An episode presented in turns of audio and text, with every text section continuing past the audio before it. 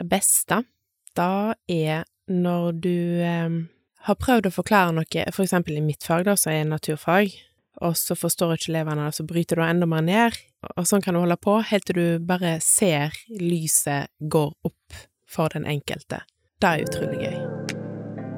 Da lytter du til Sunnhordlandpodden, en podkast med fokus på å framsnakke og heie på folk som brenner for noe her i Sunnhordland. Dette er altså podkasten for deg som vil bli bedre kjent med personer fra Sunnhordland, og som har lyst til å være med og heie på de som står på som gründere i næringsliv, idrett og kulturliv. Nok om det. Her kommer dagens episode.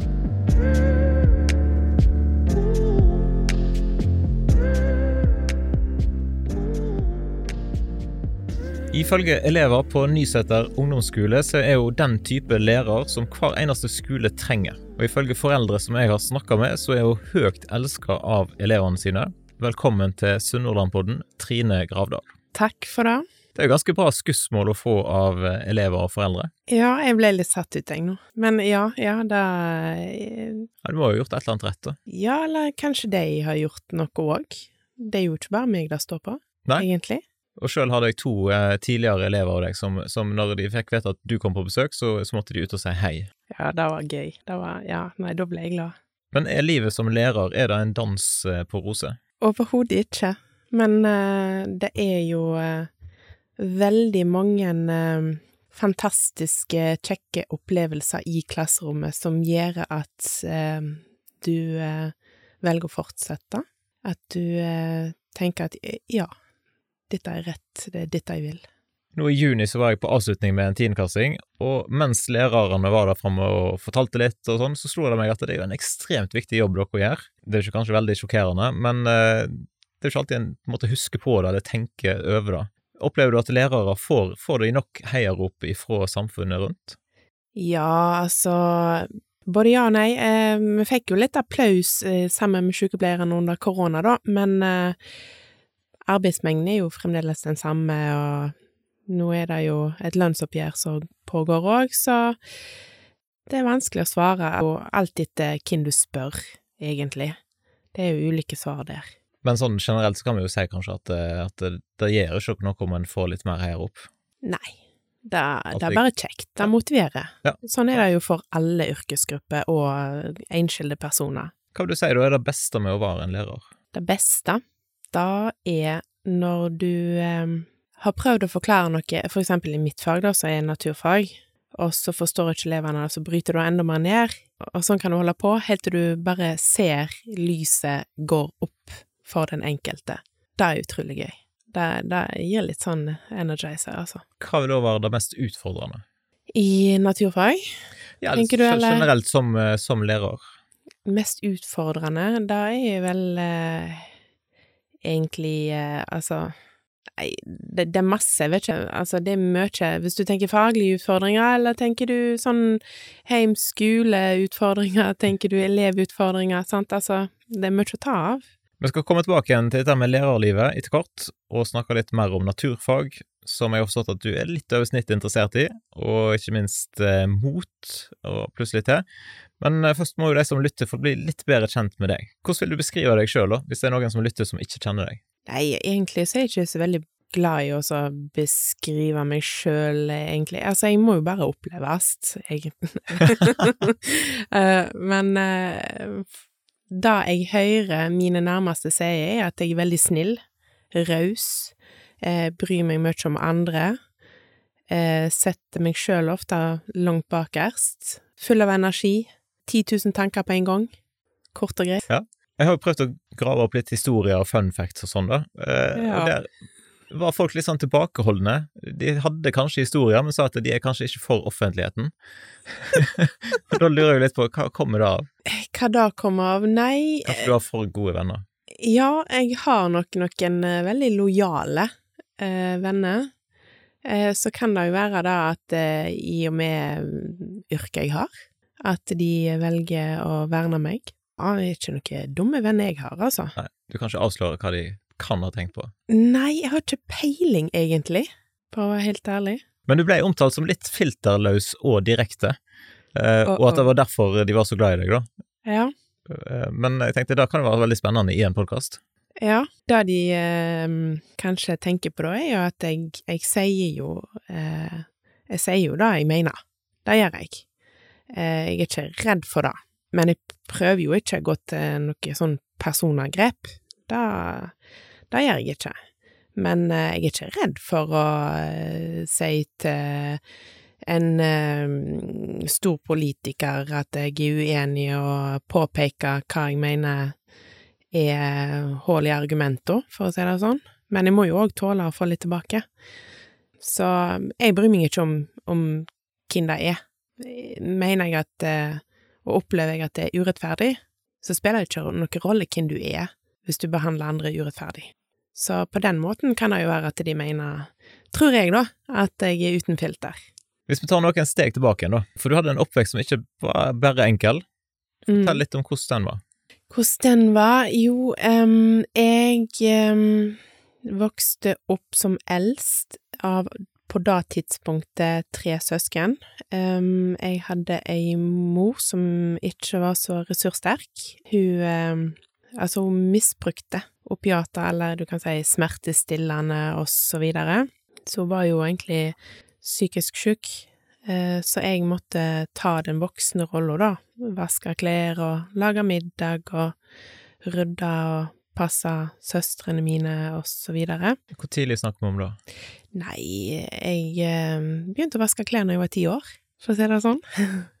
Så ja, eh, det har jo gjort til at jeg er ganske selvstendig, da.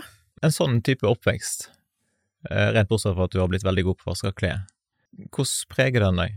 Den kan jo prege på både godt og vondt. Eh, kan jo slite litt med å faktisk eh, tro på at jeg er god nok. Så jeg jobber jo hele tida med å eh, perfeksjonere meg sjøl. Altså, jeg jobber kjempehardt på noe jeg kanskje ikke trenger å jobbe så hardt med, så kanskje andre hadde gitt opp for lenge siden, fordi at jeg tror hele tida at jeg ikke er god nok. Men samtidig så har en òg mer antenne ute, føler jeg da, og har en annen forståelse for andre som har det tøft. Så jeg kan jo virkelig si eh, at jeg forstår andre som har hatt det lignende, eh, hvor tøft det er. Men samtidig så Du kan jo ikke sette livet på vent og liksom bare grave deg ned samfunnet, livet går jo videre, så du, du må jo bare gutse på og bare reise deg opp og være litt sterkere og bare kjøre på. De som var rundt deg når du var ti år, merka de noe på skolen og sånn? Jeg meldte jo fra sjøl til læreren, og læreren tok tak, og jeg har hørt òg i ettertid av andre voksne, eh, som, ja, som var voksne da når jeg var liten, at eh, ja, vi så det var noe, vi så det var eh, vanskelig, eh, at det var ting innenfor husets fire vegger som ikke som var så det ikke skulle være. Og da sa de ja, men hvorfor gjorde dere ingenting? Fordi folk er jo veldig opptatt av nei, vi skal ikke blande oss, det er ikke Det er sikkert noen andre som sier fra, det er ikke våres business. Og der Ja, da snakker jeg til alle. Og da sier jeg at her må alle skjerpe seg. Fordi du har faktisk plikt til å melde ifra hvis du eh, har mistanke om, bare en magefølelse om at eh, et barn ikke har det eh, så bra som de burde ha det, mistanke om omsorgssvikt, så har du plikt til å melde ifra. Så her må faktisk folk eh, bry seg. De må faktisk legge seg opp i det. Har du tenkt noe på hvordan hadde ditt liv vært annerledes om noen hadde brydd seg hakket mer? Egentlig ikke. Eh, for for eh, litt sånn Hvorfor skal jeg tenke over hvordan det hadde vært hvis eh, noen hadde brydd seg? Fordi at det var jo ikke Altså, jeg hadde ikke fått det annerledes. Jeg har, eller jeg har ikke fått det annerledes, så hvorfor skal jeg tenke på hvordan eh, jeg eh, kunne fått det når jeg ikke har det, på en måte. Ja, nei, det var avansert forklart, men eh, ja. Jeg tror vi skjønner. Jeg forholder meg til realiteten. Men tross en vanskelig oppvekst, så kan en jo klare seg fint. og Ja. du har kommet deg opp og fram. Så Forklar litt om eh, hva du har gjort. Jo, jeg Jeg har jo tre fantastiske, kjempeflotte unger. Og jeg har fått meg en eh, god utdannelse. Gått sju år på høgskole og halvannet år på universitet. Jeg har fått, eh, ja, flere. Eh, Redd Barna, eh, Leia fra Redd Barna Stord. Vært med på masse sånne folkeaksjoner mot flyktningkrisa. Jeg har eh, gjort noe sprell på Bømlo med regnbueflagg. uh, ja, nei, altså Du kan uh, hvis du vil. Ja, og du ville. Jeg skulle i hvert fall ikke bli sånn som mamma. Det bestemte jeg meg for når jeg var ti år. Men veien mot lærerlivet, hva som gjorde at du valgte akkurat den? Jeg um, er veldig glad i unger, ungdom, og jobber i lag med deg. De eh, byr sånn på seg sjøl, og de har eh, en sånn fantastisk eh, fantasiverden, eh, drar eh, refleksjoner og historier så, Ja, det, den verden er amazing, syns jeg. Så derfor valgte du Gikk du på lærerskolen her på Stord, eller? Ja, det gjorde jeg. Men sju år på høgskole, sa du? Ja, det har seg sånn at eh, jeg begynte som allmennlærer å ta den utdannelsen, og så eh, er ikke jeg så gysla god i matematikk. Så da eh, valgte vi å gjøre om til mm, faglærer i praktisk-estetiske fag, for jeg er jo litt sånn kreativ av meg, og den visste jeg at den naila jeg. Og det gjorde jeg, så da ble det sju år, da. Naturfagen, den kom som tilleggsutdannelse. Ja, For du er ikke god i matte, men du er veldig god i naturfag. Veldig god, veldig Ja ja, det var nå dine ord, men ok, ja, jeg er brukende. Apropos eh, brukerne, janteloven, hva føler du for den? Hva er det for noe tull? Janteloven, vet du hva? Det er det dummeste jeg har hørt. Altså, skal ikke tru du er noe og alt det der. Altså, folk må jo få Altså, alle er gode på noe. Og jeg syns at folk må få lov til å si at jeg er god på det, og jeg er god på det. Og skryte litt av seg sjøl. Hvorfor skal vi eh, gjemme det vekk? Altså, få talentet ditt fram. Shine. Bare hopp i det, tenker jeg. Så jantelov, nei, funka ikke i min heim i hvert fall. Men så i 2013, da var du ferdig, godt ferdig utdanna, måtte ha Mm. begynt i lærerjobben, Mm. men så skjedde det noe. Ja. Hva var det? Eh, mamma tok eh, overdose med piller, så tok sitt eget liv. Og da var du bikka opp i 30-åra, hvis jeg har riktig? Ja. Jeg husker jeg nettopp hadde fått dattera min da, så Ja. jeg var bikka. Bikka da, ja. Men hvordan opplevde du det?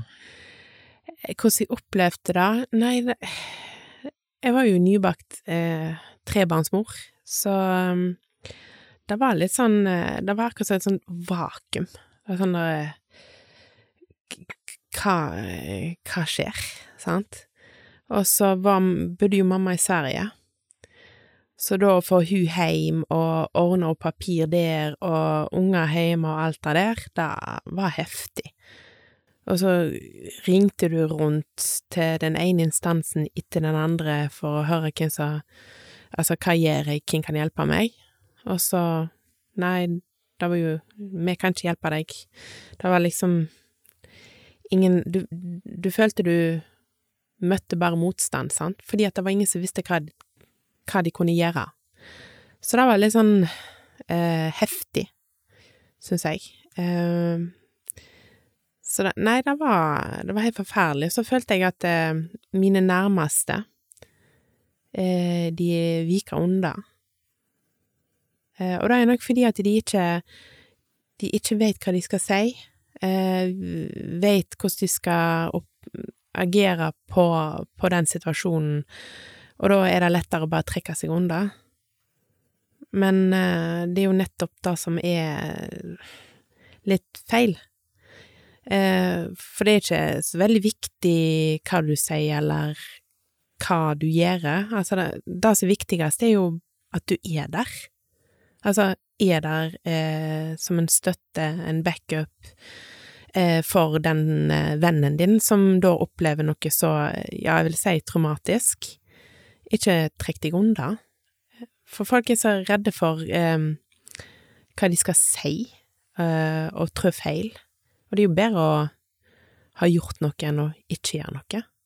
Dette har du jo fortalt om før i, i fredagspraten i Avisen mm. Sunnhordland.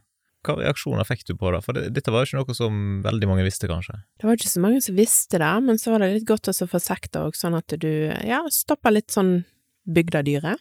For da trenger jo ikke bygdadyret snakke, for dette det står jo hvitt. Eh, men reaksjonene er jo Jeg treffer jo enda folk eh, som tar tak i meg eh, og refererer til denne fredagspraten, da, og sier at det der var kjempetøft, og takk for at du setter ord på det, for det er flere som opplever øh, å ha sånne erfaringer enn det vi tror. Det er bare at vi skal jo ikke snakke om sånt. Uff, nei, det er jo så fælt å snakke om. Så da, da teimer de hele istedenfor. Og det er liksom, det var derfor jeg valgte å snakke om det, for å eh, stikke litt hål på den der. For jeg er litt sånn, jeg. Stikker litt sånn hål på sånne ting. Eh, For vi har godt av å sette ord på følelser og tanker, og vi må våge å snakke mer om sånne, hva skal jeg si, tabubelagte ting. Så du fikk ikke noen negative reaksjoner på det, i hvert fall? Det kan være, men de har i hvert fall ikke nådd frem til meg. Og om det hadde vært negativt, hvem bryr seg? Det å se godt er avgjørende for læring og trivsel på skolen. Og det er ikke alltid like lett å oppdage synsfeil hos barn. Hodeverk og konsentrasjonsvansker er ikke uvanlige symptom hos de med dårlig syn. Gi barnet ditt de beste forutsetningene for en god skolestart, og bestill synsprøve på brilleriet.com.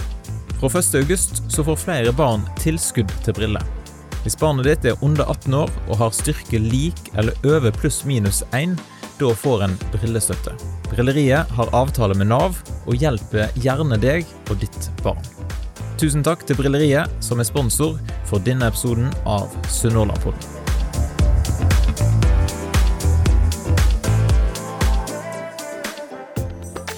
Vi må prate litt om naturfag, for det syns du er gøy. Har jeg hørt riktig om. Jeg elsker det. Men hvorfor er naturfag så gøy? Altså, naturfag finnes det i alt, og naturfag er alt. Altså, hallo? det er Ja, men altså, det er jo, det er jo naturfag i eh, mikrofonen jeg snakker i, sant? Det er elektriske. Eh, materialet det er laga av, sant? Altså, det er absolutt alt. Så det er jo ikke rart jeg digger det da. Men er det sånn at du får alle elevene til å synes det er det samme? Jeg liker å tro det, men jeg innser jo da at eh, det er jo ikke alle som er like gira som meg, og det er helt greit. Noen eh, liker kunst og håndverk bedre, noen liker matte bedre, og noen liker musikk bedre, og det er helt innenfor. Men eh, jeg prøver å gjøre mitt ytterste for at jeg skal synes at naturfag er kjekt å gjøre det mest mulig praktisk, eh, og at vi ikke bruker bøkene så mye. Nei, hvorfor ikke? Nei, altså, hvor gøy er det å sitte og lese all kunnskapen og løse oppgaver fra boka, da? Hvor mye lærer du av det? Du lærer jo litt mer med å bruke nevene, se, observere og diskutere. Er ikke du litt enig i det, da?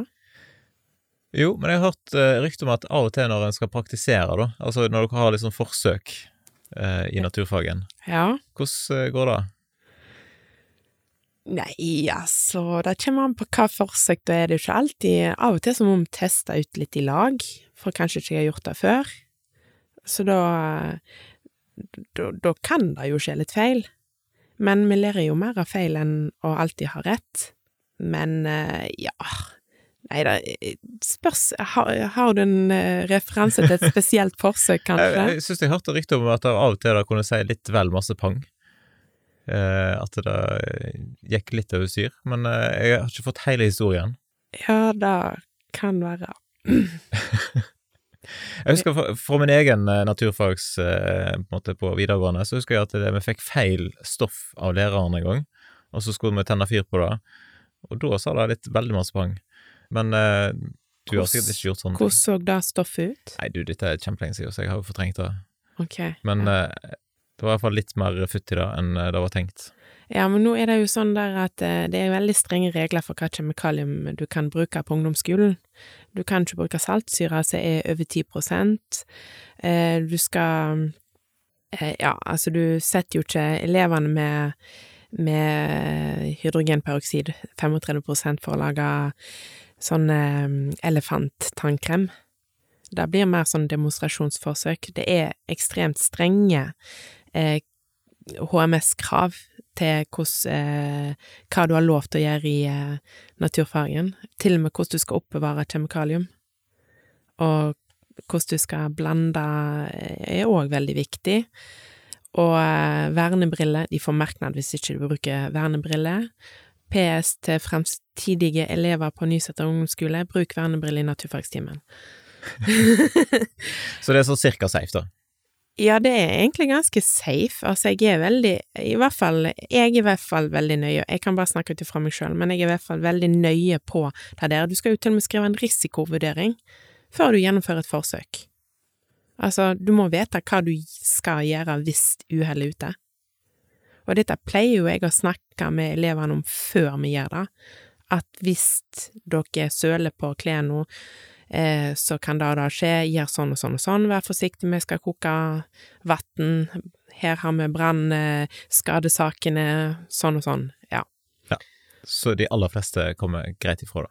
Jeg har aldri opplevd Jo, vi har jo hatt noen som har brent seg eller kutta seg, men, eh, men jeg har førstehjelpsutstyret klart, da. Det er ikke sånne alvorlige ting. Det er heller jeg som skader meg. Ok, da må du fortelle litt om Har du Nei, jeg eh, fikk kokende vann på buksa, og det er jo veldig varmt, så da eh, kan du jo skade huden. Og da, og da ropte jeg høyt til elevene 'Kom dere ut!' Og så, for jeg kunne ikke, jeg kunne ikke ta av meg buksa i klasserommet fremfor elevene. Nei, det kunne jo blitt litt Ja, det blir litt sånn, eh, ja, upassende. Så da måtte jeg hive dem ut. Før du kunne avkjøle. Men jeg bare drog i buksa og holdt den vekk fra huden, så jeg fikk ingen brannsår. Så førstehjelp er jo veldig greit. Jeg fikk forresten tips om å spørre deg om hva du syns om mobilskapene i brakkene. er det en historie der? Har du fått tips om mobilskapet? Ditt forhold til deg? Jo, altså Dette må være fra en elev. Jeg tror jeg dauer. Jo, altså Disse her mobilskapene er fine, de. um, helt til du står der i en klasse, siste time på, på fredagen, jeg håper ikke rektor hører dette. siste time på en fredag, og elevene skal rekke bussen, og de ber meg om å åpne mobilskapet, og nøkkelen går ikke inn. For der er det jo noen som har prøvd å dirke opp låsen, og det sitter bly fast. Så den som, den som måtte bruke en hel mobil, en, mobil ja, en hel eh, naturfagstime på å dirke opp, bryte seg inn i mobilskapet, faktisk, foran en hel klasse, det var meg. Du har ikke noen kjemikalier du kunne peist på der, liksom, og Eh, nei, ikke en sprengt opp et skap? Ja, men poenget jo, var jo at det i og det var helt nye, og de var jo ikke så billige, og alle vet jo da at Stord-skolen ikke har flust med penger. Så ja. Men det gikk greit, de fikk med seg mobilen Ja, før ja, de ja. skulle gå? Ja da, Ja vi fikk det til. Jeg fikk litt assistanse òg, da. Fikk litt hjelp. Av elevene? Eh, ja.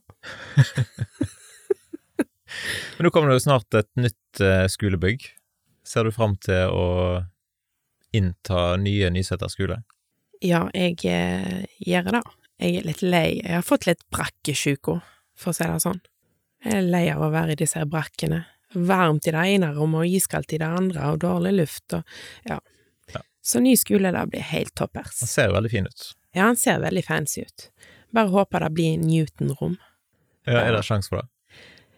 Jeg Eller hva er et Newton-rom? Newton-rom, det er For å forklare det enkelt Alle har jo vært på et Ikke alle, da, men mange har vært på et vitensenter. Så Newton-rommet blir på en måte et slags lite vitensenter i ett rom. Der de får eh, undervisning i ulike sånn temapakker, da. Så det hadde vært dødsstilig. Så hvis da Newton-rommet kommer, Ja. eh, da kommer det òg noen stillinger som heter Newton-lærer. Mm. Hva er det for noe? Newton-lærer er de som eh, driver undervisning for den eh, gruppa og grupperinga som eh, kommer på besøk, eh, eller den klassen og så videre, eh, i ulike sånne temapakker, da. Du kan jo gå inn, og google, enkelt Google-søk Newton-rommet, så kan en finne ulike temapakker som de da får undervisning i, da. Uten vurdering, da, sjølsagt. Ja. Så hvis det kommer en sånn, et sånt rom og en sånn stilling, kommer Mm. du til å søke da? Of course.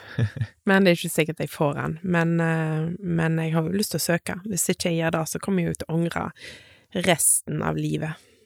Men hva som skal til for at det Newton-rommet kommer på plass? Eh, penger. Sponsorer. Så hvis det er noen der ute som har lyst til å sponse Newton-rom på Nyseter ungdomsskole, eh, gi en lyd. Men apropos Newton, da. Eh, det sto jo i avisa at du søkte på en Newton-programlederstilling. Hvordan gikk det? Heise så mye du vet, da. Eh, eh, jeg var for gammel når jeg søkte. Det visste jeg. Eh, men så gikk det en sånn fanden i meg, og tenkte hun heller. Jo bare søke bare på løye.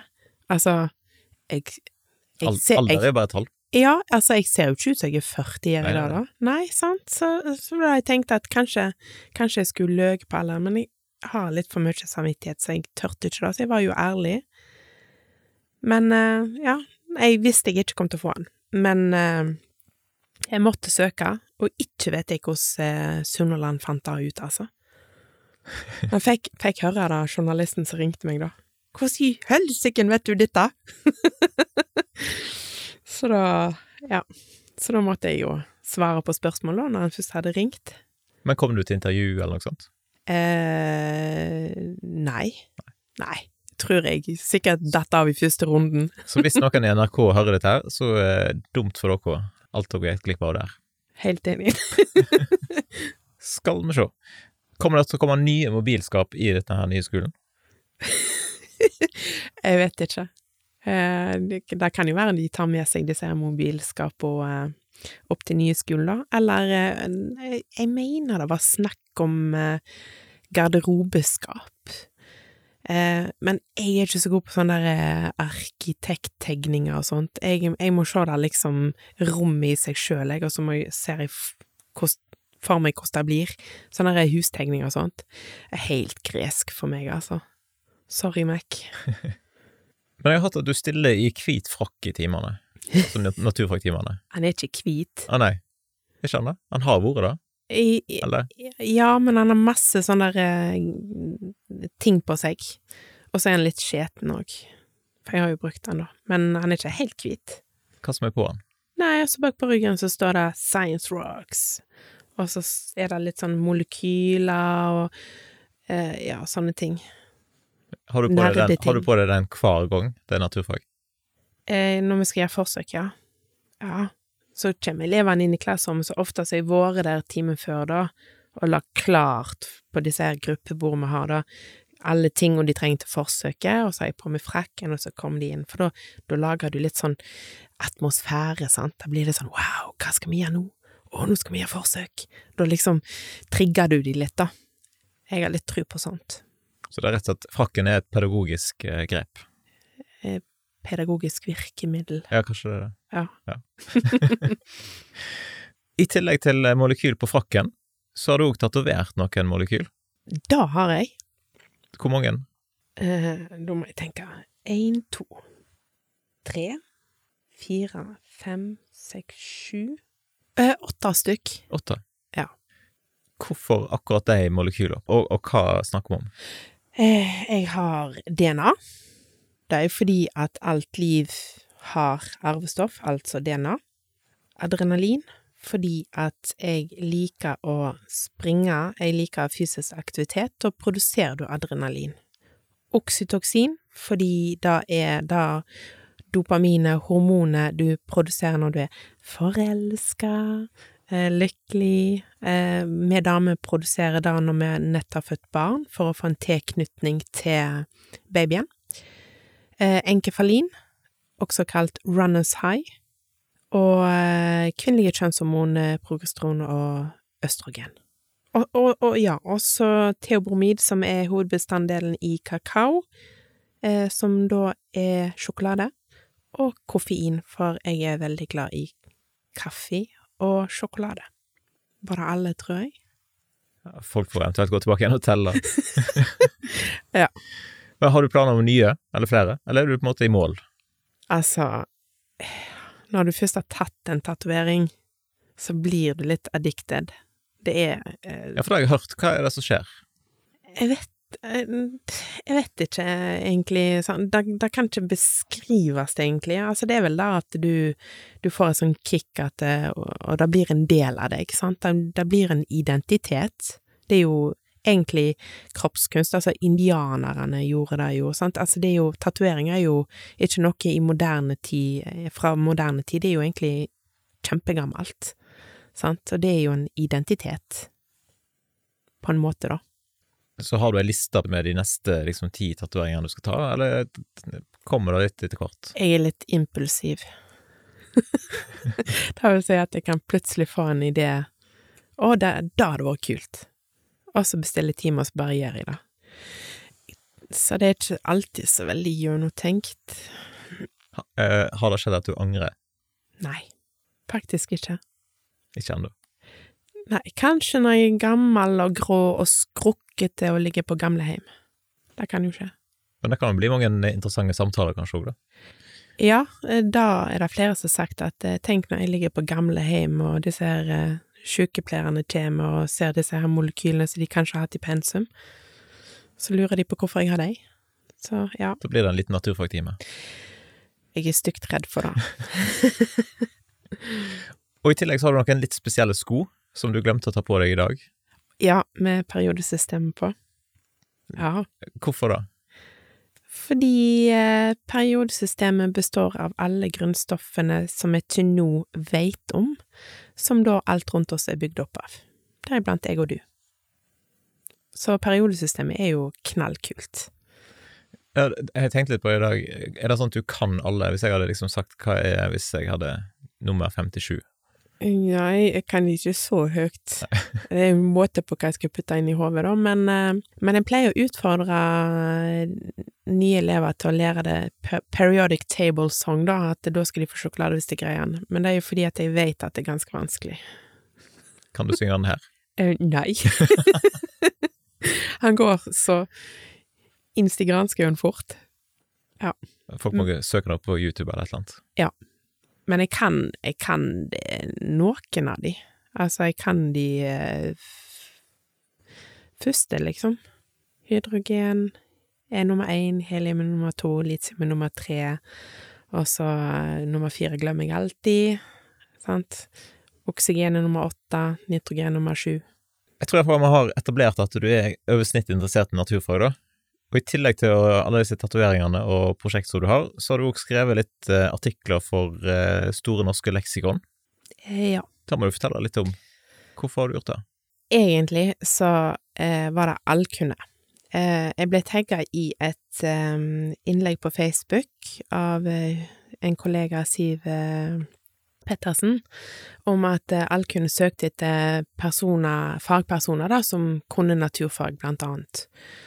Og da tenkte jeg, ja, ja, jeg er jo litt impulsiv, tenkte jeg, ja, ok, jeg ble tagga i dette her, og det er jo eh, Siv er jo en ganske kunnskapsrik dame. Så da tenkte jeg at ja, det må jo være noe i det med at hun har tagga meg.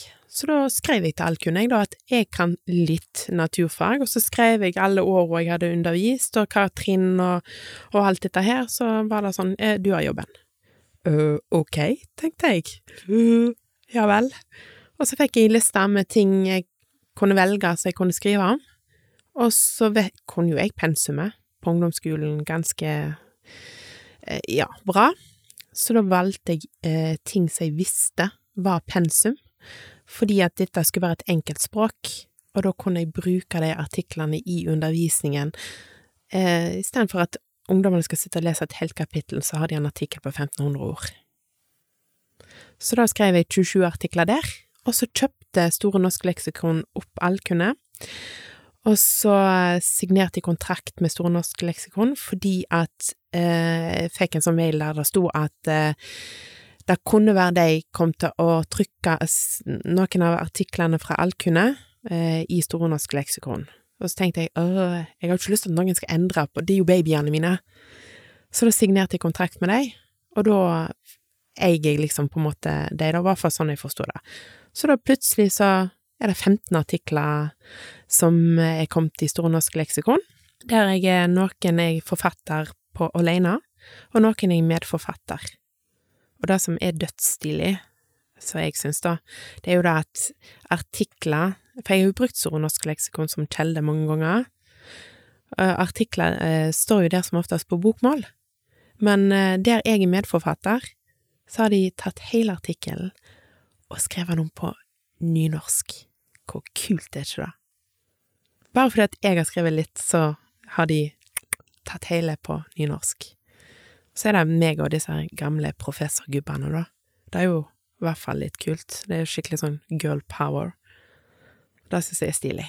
Altså hvis folk vil inn og lese om gull og hydrogen og forskjellige molekyler og nitrogen, organiske syre Ja. forskjellig, mener jeg fant, så kan de gå inn og søke det opp på Store norske leksikon. Mm. Eller hvis de klikker inn på allkunne.no, så kommer de for så vidt til samme plass. Ja. Det er jo litt kjekt å ha på CV-en, da. Ja, jeg har nå ikke skrevet noe CV ennå, jeg. Men kanskje jeg skulle det? Burde jeg det?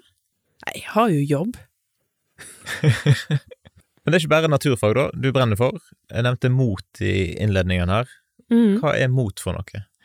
Og da tenker jeg ikke bare sånn mot i brystet, på en måte, men, men Altså, det er et livsmestringskurs for ungdom.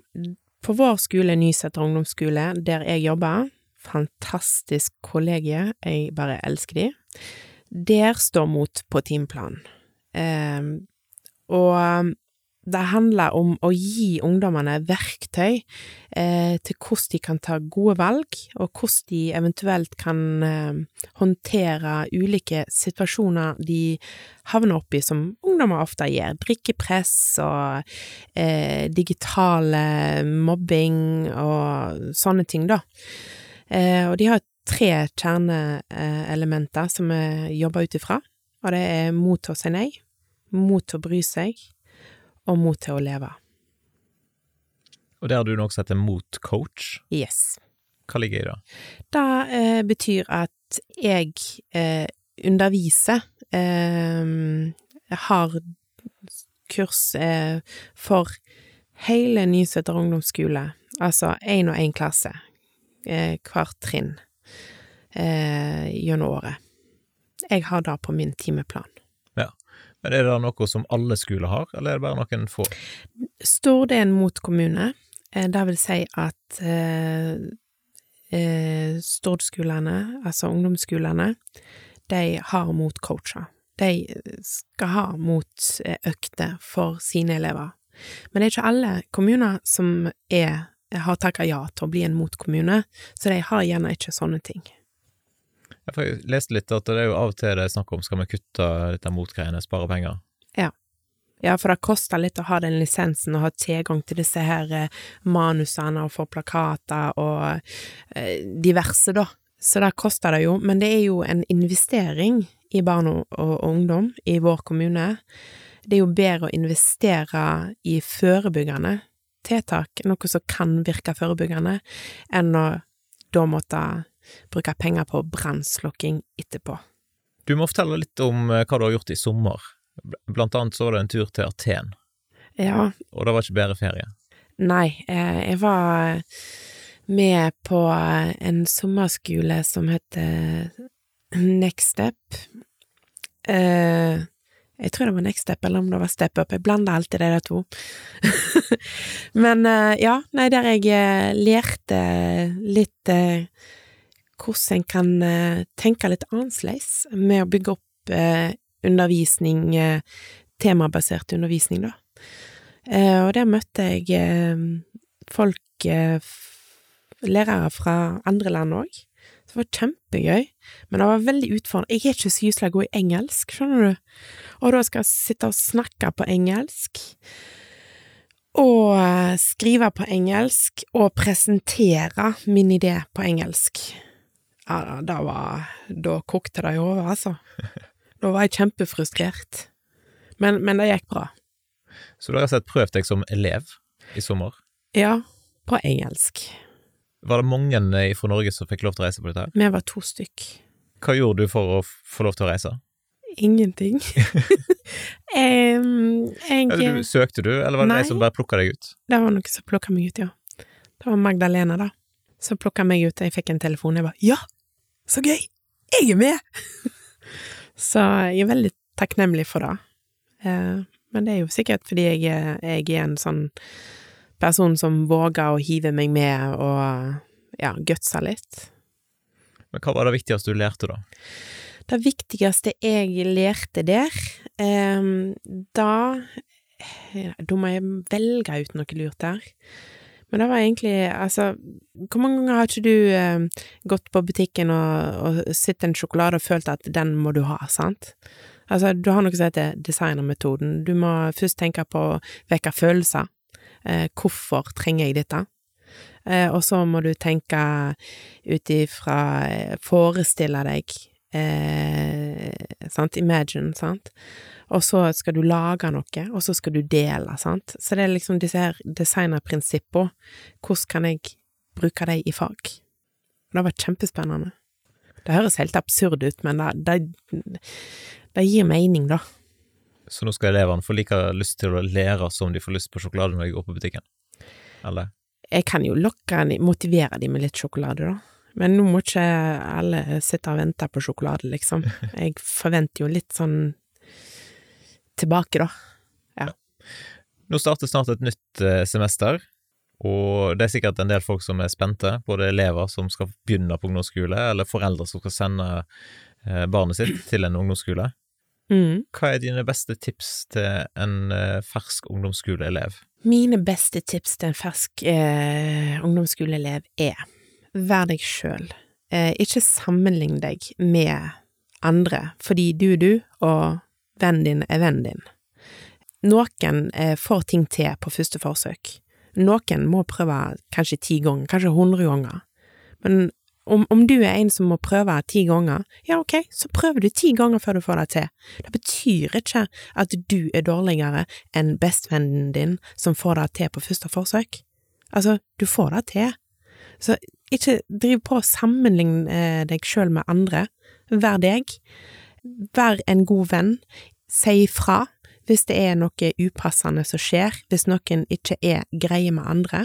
Vær raus. By på deg sjøl. Inkluder. Si hei til noen. Altså, jeg utfordrer alle elevene til å si hei til noen du pleier, ikke pleier å si hei til i løpet av én skoledag. Fordi det heiet, det kan gjøre utrolig underverker for den som får det heiet. Det kan redde dagen, da, for en som får et hei. Ikke ekskluder, heller inkluder. Og eh, by på deg sjøl, våg å stå opp for å være den du er. Jeg digger når eh, elever tør å farge håret sitt blått fordi de har lyst, eller går i den eh, hardrock metall-T-skjorta si bare fordi at de liker det bandet. Altså, som er 100 seg sjøl. Jeg synes det er så kult. Og til oss foreldre, da, som sender ungene våre til ungdomsskolen. Hvordan kan vi best mulig følge opp eh, ungene våre når de begynner på ungdomsskole? Em, når de begynner på ungdomsskolen, altså foreldrene må jo ha vært pålogga lenge før de begynner på ungdomsskolen. Helst, ja. Ja, fordi at uh, invester tid. Uh, da snakker jeg om før de begynner på ungdomsskolen. Invester tid i ungene dine for å bygge opp et godt fundament. Har du det gode fundamentet, så vil som oftest uh, mest sannsynlig ungdommen din komme til deg hvis det er noe som er vanskelig. Eh, men nå er jo ikke jeg noe ekspert på, eh, på dette. på noe som helst måte, skal jeg være litt forsiktig med å si det, men eh, prøv å inkludere, prøv å vise interesse for ungene, og, og, og spør de, eh, og istedenfor å bare la de bure seg inn på rommet. Men du skal jo ikke presse for mye på heller, fordi de har jo rett på litt privatliv. Altså, det står jo i Barnekonvensjonen. Så, eh, men vær på. Ja, ungdommer kan være sure og grinete og smelle med døra. Det er, det er masse følelsessvinger, hele kroppen er under ombygging i ungdomstida. Altså, husk nå, når du sjøl var ungdom. Kom ikke og si at ikke du smelte med døra og hater mamma og pappa, for, for vi alle har jo vært der. Så, altså, ku må ikke glemme at han sjøl har vært kalv, men samtidig vis interesse. Det er, ja. Hvis du kunne endre noe da, i dagens sitt, eh, skolesystem i Norge, hva skulle det ha vært? Åh, med fare for at uh, ikke folk er enig med meg, og at uh, uh, ja At ikke dette blir så populært, så ville jeg ha hatt mindre prøver. Eh, Jeg, annet jeg kjenner noen som hadde syntes det var veldig god idé. Ja, det er jo bra. Jeg, jeg, jeg, jeg ser med faglærere sitter på hver vår tur, og så peiser vi det gjennom, vi er så veldig opptatt av at de skal rekke gjennom alt pensum. Så tenk om vi kunne hatt en eh, semesterprøve der de ble prøvd ut i en, i alle fag i en slags case, for å vise hva eh, kunnskaper de har. Da hadde det vært en drøm, men det er en lang vei å gå. Jeg er litt sånn, jeg føler eh, det blir litt mye press på å prestere og, og ja, jeg ser ungdommene blir slitne av det, og det gjør meg litt vondt. Hva tror du motiverer elevene, da? Det kan være ulikt fra elev til elev, eh, hvordan eh, du er skrudd sammen, men jeg tenker det første eh, Alle trenger å bli sett. Jeg eh, hadde ikke klart å lære noe hvis jeg eh, ikke ble sett, eh, hvis jeg satt og grubla på ting og ikke hadde det godt med meg sjøl, så er det jo det som opptar hodet. Eh, og hvis du da kan se en elev bygge en god relasjon, så er den eleven trygg på deg, og da klarer den å åpne opp og kanskje lære litt mer. Hvis noen lytter, da, en elev som er litt skolelei, Mm. eh, før et nytt semester, hva vil du si til en sånn elev? Ja, det var vanskelig spørsmål. Um, hva er du sku... Det, det, det spørs hvorfor en er skolelei, da. Uh, hvis det er fordi at en uh, føler at en ikke mestrer i fag, så kan en jo da på en måte sette ord på det. For alle lærere har jo lyst til at elevene skal klare det, og vi har jo ei plikt til å tilrettelegge til hver enskild elev, til deres nivå. Så, og det er ikke så lett for en lærer å vite hvis ikke eleven kan sette ord på det. Eh, hvis det er fordi en er, er redd og syns det er skummelt med eldre elever og uh, ulike klikker og litt sånne ting, så tenker jeg Jeg har lyst til å si at bare vær deg sjøl, og hvis ikke andre kan godta deg for, eh, for den du er, så det er deres problem, det er ikke ditt. Det er jo de andre som toster nå, som ikke kan ta deg for den du er. For hvorfor skal du endre på deg for å passe inn hos alle andre? Altså, du er jo du. Altså, en skal jo ikke endre på seg sjøl, det er jo kanskje andre som må endre på sine holdninger, da, tenker jeg. Mot slutten her, du må fortelle litt om springing, for det har vi ikke prata om. Men eh, du har en tatovering der òg. Ja, jeg har ei springedame på andre leggen. Hvorfor det? Fordi at eh, jeg må springe, eh, for det eneste da hodet mitt klarer å hvile. Ellers er det 10 000 tanker, 24-7, 365 dager i året. Sånn, så jeg trenger litt pause fra meg sjøl. Da får du når du springer? Ja, for da, da, da har jeg det så eh, Da har kroppen det så fælt at han kobler ut. Nei, jeg har altså Fælt og fælt, men, men da, da er det så mye som skjer i kroppen, sant. Jeg har fokus en helt annen plass. Så, så det gir meg overskudd til å klare en hektisk hverdag som alenemor, eh, og jobb og alt da. Så trening er kjempebra, eh, og det er et eller annet med springen. Det er så, det er så lettvint. Og så merker jeg hvor bedre og bedre form du blir, så du blir jo litt sånn hekta, da, på det. Hvor ofte og hvor langt springer du? Mm, nå har jeg unger 50-50, altså annenhver uke. Så når jeg eh, ikke har hatt ungene, så har jeg kanskje sprunget nesten hver dag, eller annenhver dag. Og det kan variere fra 8 kilometer til 21 kilometer. Merk 21 kilometer skjer ikke så ofte, da. Men eh, sånn Jeg prøver å bikke opp mer, opp til 15 eh, på sånne langturer, da. Ha litt oftere langturer. Jeg har litt lyst til å klare halvmaraton.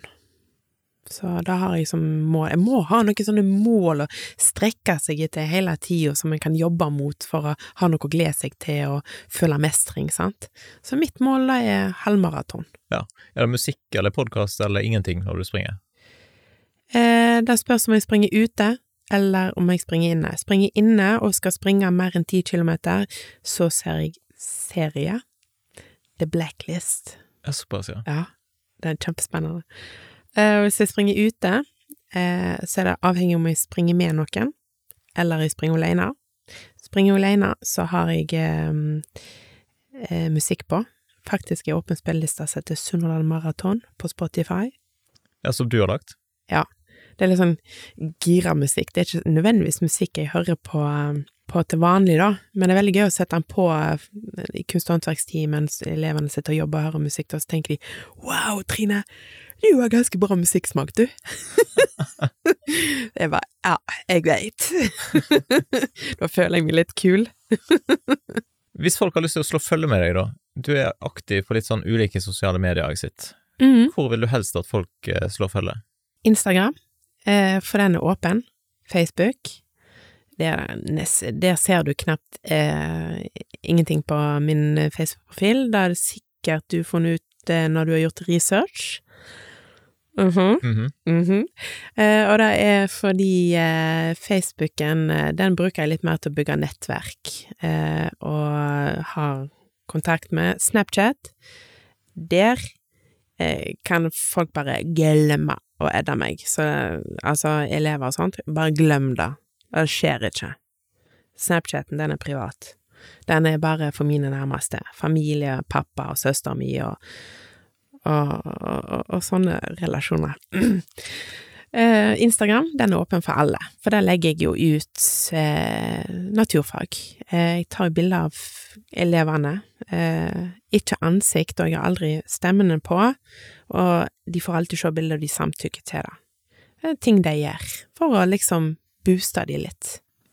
Og det syns jeg de fortjener. Så hvis noen vil ha liksom naturfag eh, inn i feeden, så er det der. Ja. Hva heter den Instagrammen? Den heter Du må eh, gå på Trine Grav, eh, men den heter Naturfag rocker, men du finner ikke det hvis du søker den, må du søke Trine Grav. Så da er jeg eh, faktisk følgere fra hele verden. Rundt om i verden. Ikke hele verden, men rundt om i verden. Ja, Men du er jo ganske aktiv på Twitter. Iallfall en av de som jeg, jeg tror du er Ja. mest, mest sitert i Sunnhordlands i sånne Twitter-spalte. Er jeg da? Jeg har ikke, jeg har ikke gjort uh, grundig research på det, men uh, noen som er veldig glad i tall, kan jo gå inn og uh, finne prosenten der, men jeg tror du scorer ganske høyt. Oi. Ja. Ja, jeg er aktiv der òg til tider, ja. Det er jeg. Det er litt sånn småstikk til Sånn humoristiske og Ja. småstikk. Det er det. Du må liksom lese mellom linjene. Mye humor. Ja. Det gjør seg på Twitter. Ja. Ja, men bra. Da tror jeg vi sier tusen takk for at du tok turen i studio, og så ønsker vi lykke til med et nytt semester på Nyseter ungdomsskole. Takk for det. Takk for at du lytta til dagens episode av Sunnhordlandpodden. Og har du lyst til å gi en tilbakemelding, så er det kjempestas om du sender en melding enten til meg eller til eh, gjesten som jeg hadde med meg i dag. Det er alltid inspirerende å høre ifra deg som har lytta til episoden, hva du syns. Har du lyst til å gi podkasten en vurdering i Apple Podcaster eller noen stjerner på Spotify, så setter jeg òg stor pris på det. Har du kritikk og konstruktiv tilbakemelding, så er det jo kjempestas om du sender en e-post til f.eks. post at sunnhordlandpodden.no. Og Hvis dette var første gangen du lytter til podden, så håper jeg da at du har lyst til å sjekke ut eh, flere episoder i arkivet. Det er så mange gode folk fra Sunnhordland som har vært innom studio og delt om det som de brenner for. Og Jeg håper da at du har lyst til å slå følge med podkasten i sosiale medier. Du finner oss på Instagram og på Facebook. Det er òg veldig flott om du har lyst til å sende inn eh, ønsker og tips om personer som du mener bør være med i podkasten framover. Da ønsker jeg deg en fin dag, og så poddes vi plutselig igjen neste torsdag hvis alt går etter planen.